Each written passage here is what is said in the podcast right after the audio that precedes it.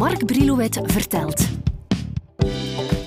Een swingende podcastreeks over de meest iconische hits en hun al even legendarische uitvoerders.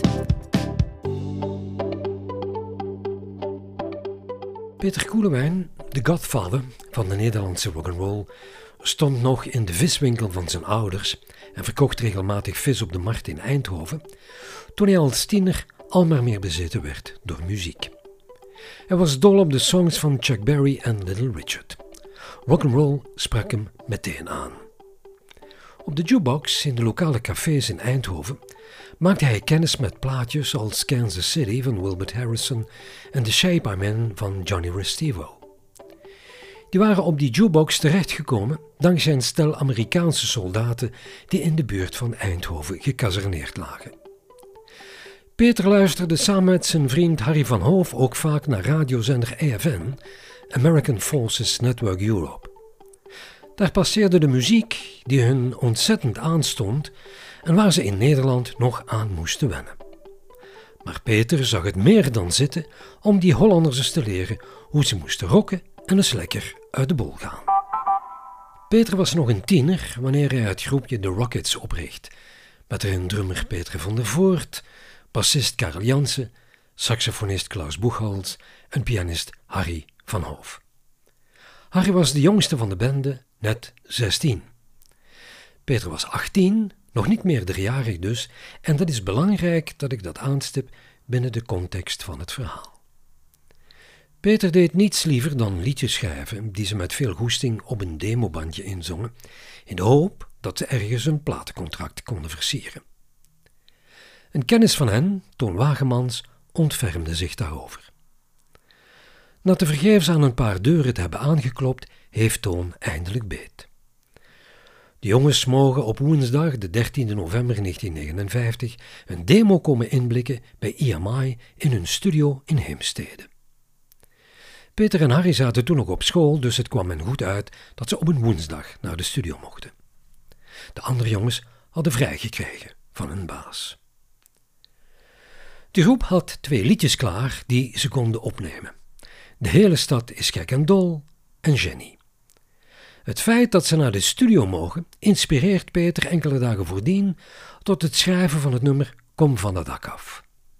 Die titel zou, ik zeg wel duidelijk, zou afkomstig zijn van de broers van Peter, die om voorbijgangers te plagen op straat: hey, kom van het dak af riepen, en daarbij naar boven kijkend, waarna de mensen hen nadeden. Maar dat verhaal doet Peter later van de hand. Dat blijkt van geen kant te kloppen. Het is gewoon een wat speelse tekst. Inhoudelijk gaat Kom van het dak af over een meningsverschil, een ruzie tussen een koppel, een zekere meneer en mevrouw Jansen, waardoor onder andere het eten dreigt koud te worden, door die ruzie dus. Mevrouw Jansen blijkt een koordanseres te zijn die bij gebrek aan een touw op het bordes klimt. Ze is ten einde raad en zo weer klinkt er in de straat: Kom van dat dak af. Hoe verzint een mens zo'n tekst? Maar ja, het is de tijd van de rock'n'roll en wat te denken van het Amerikaanse voorbeeld: Wa babaluba, blam bam boom. Daar gaan we maar verder niet op in. Wat nu volgt is misschien niet meteen te geloven, maar toch is het zo. De jongens van de band die kenden dat nummer nog niet toen ze naar de studio trokken. Ze hoorden het pas voor het eerst toen ze op de trein zaten richting opnamestudio. De reis met de trein duurt behoorlijk lang, dus kunnen ze onderweg op hun instrumenten oefenen. Daarover zegt Peter in zijn biografie: De jongens vonden het wel aardig, en omdat we ons toch rot verveelden, gingen we het maar meteen oefenen. Dus toen we in Heemstede aankwamen, kenden we drie liedjes. Behalve onze pianist Harry, maar die zat op een muziekopleiding en wist achter de piano in de studio gelijk wat hij in het nieuwe liedje moest doen. En zo arriveerden ze dus keurig op tijd in Heemstede, samen met enkele vriendinnetjes die zo vriendelijk waren hun kleine versterkers te sjouwen van het station tot in de Bronsteeweg. De klus in de studio was in amper drie uur geklaard. Alles verliep nog volgens de oude methode. Leg het even uit. Eén keertje repeteren en dan het nummer meteen inzingen. Die opname belandde gelijk op een schellakplaat, waarvan nadien de singles werden geperst. Dus het moest van de eerste keer goed zitten. Vooral de opname van De hele stad is gek en dol verliep niet zo goed. Je moet die maar eens beluisteren. De saxofonist vergist zich op een bepaald moment en ook Peter zingt er een aantal keren naast. Maar dat moesten ze er die dag maar bij nemen. Dat liedje zal trouwens als B-kant van Kom van dat dak af gebruikt worden. Kom van het dak af klinkt ook niet je dat. Peter was bloedzenuwachtig, want hij moest en zingen en gitaar spelen tegelijkertijd. En omdat het liedje nog kerstvers was, had hij het ook nog niet in de vingers zitten. Kwam daarbij nog dat ze geen basgitaar voorhanden hadden. Karel had gewoon zijn gitaar wat lager gestemd. Ze namen ook op op één spoor, dus in je zuiverste mono.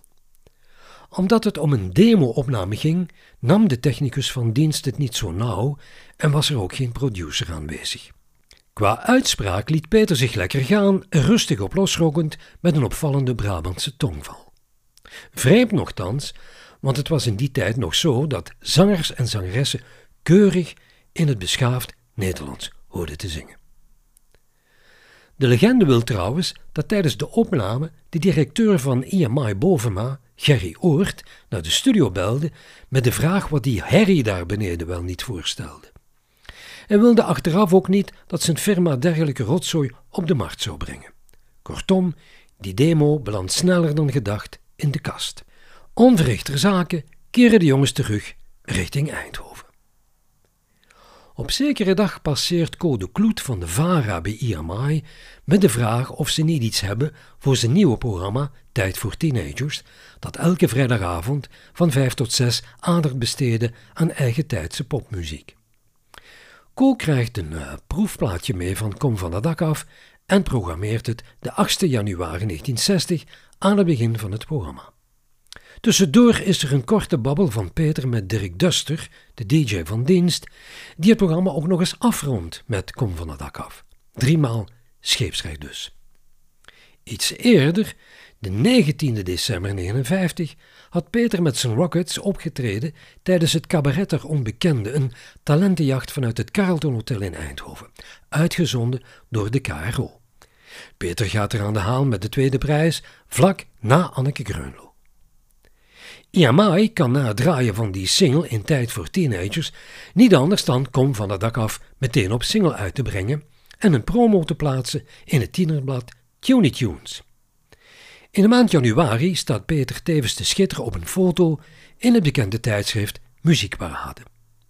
Het plaatje wordt in de Nederlandse pers aangeprezen als Amerikaans van stijl met echte passende Nederlandse woorden. Een plaatje dat zijn plaatsje wel zal vinden in de rokkende jongere discotheken.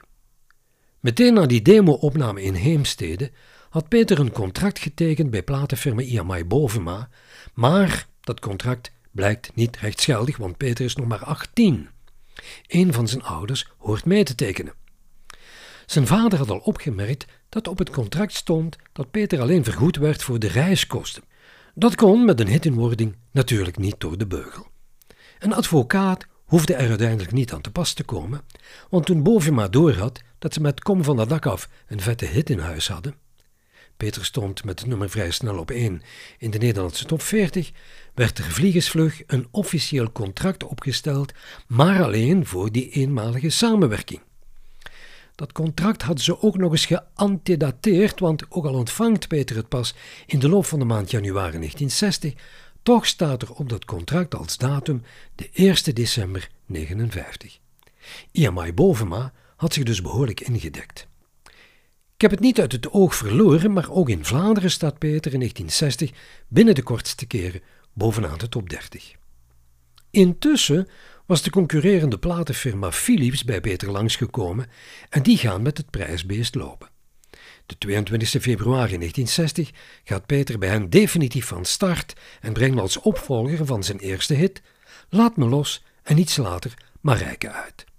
Ze staan beide bescheiden bij de eerste twintig in de Nederlandse hitlijsten genoteerd. Kom van dat dak af kent in die Nederlandse hitlijsten meerdere levens. In 71 staat de single, deze keer in een heropgenomen stereoversie, zeven weken in de top 40 met als hoogste notering plek 7. In de Vlaamse top 30 mag Peter op de negende plaats post vatten. Wat soms jammer is, dat is dat je die stereoversie vaak hoort opduiken op verzamelaars van oldies die origineel teruggaan naar de rock in de 50s en 60s. Daar wordt dan de foute versie gebruikt, niet de mono, maar de stereo.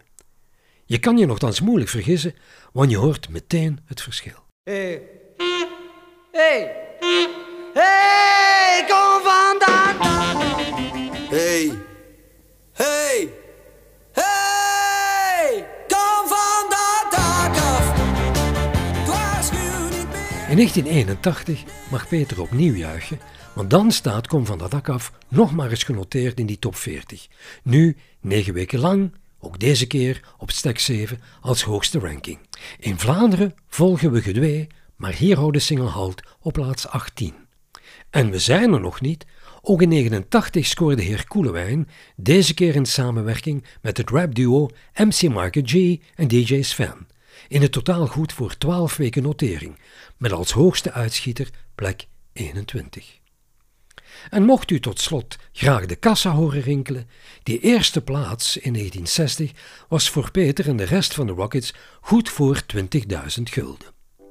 Peter zal zich nadien ontpoppen tot een van Nederlands meest succesvolle producers en hitleveranciers.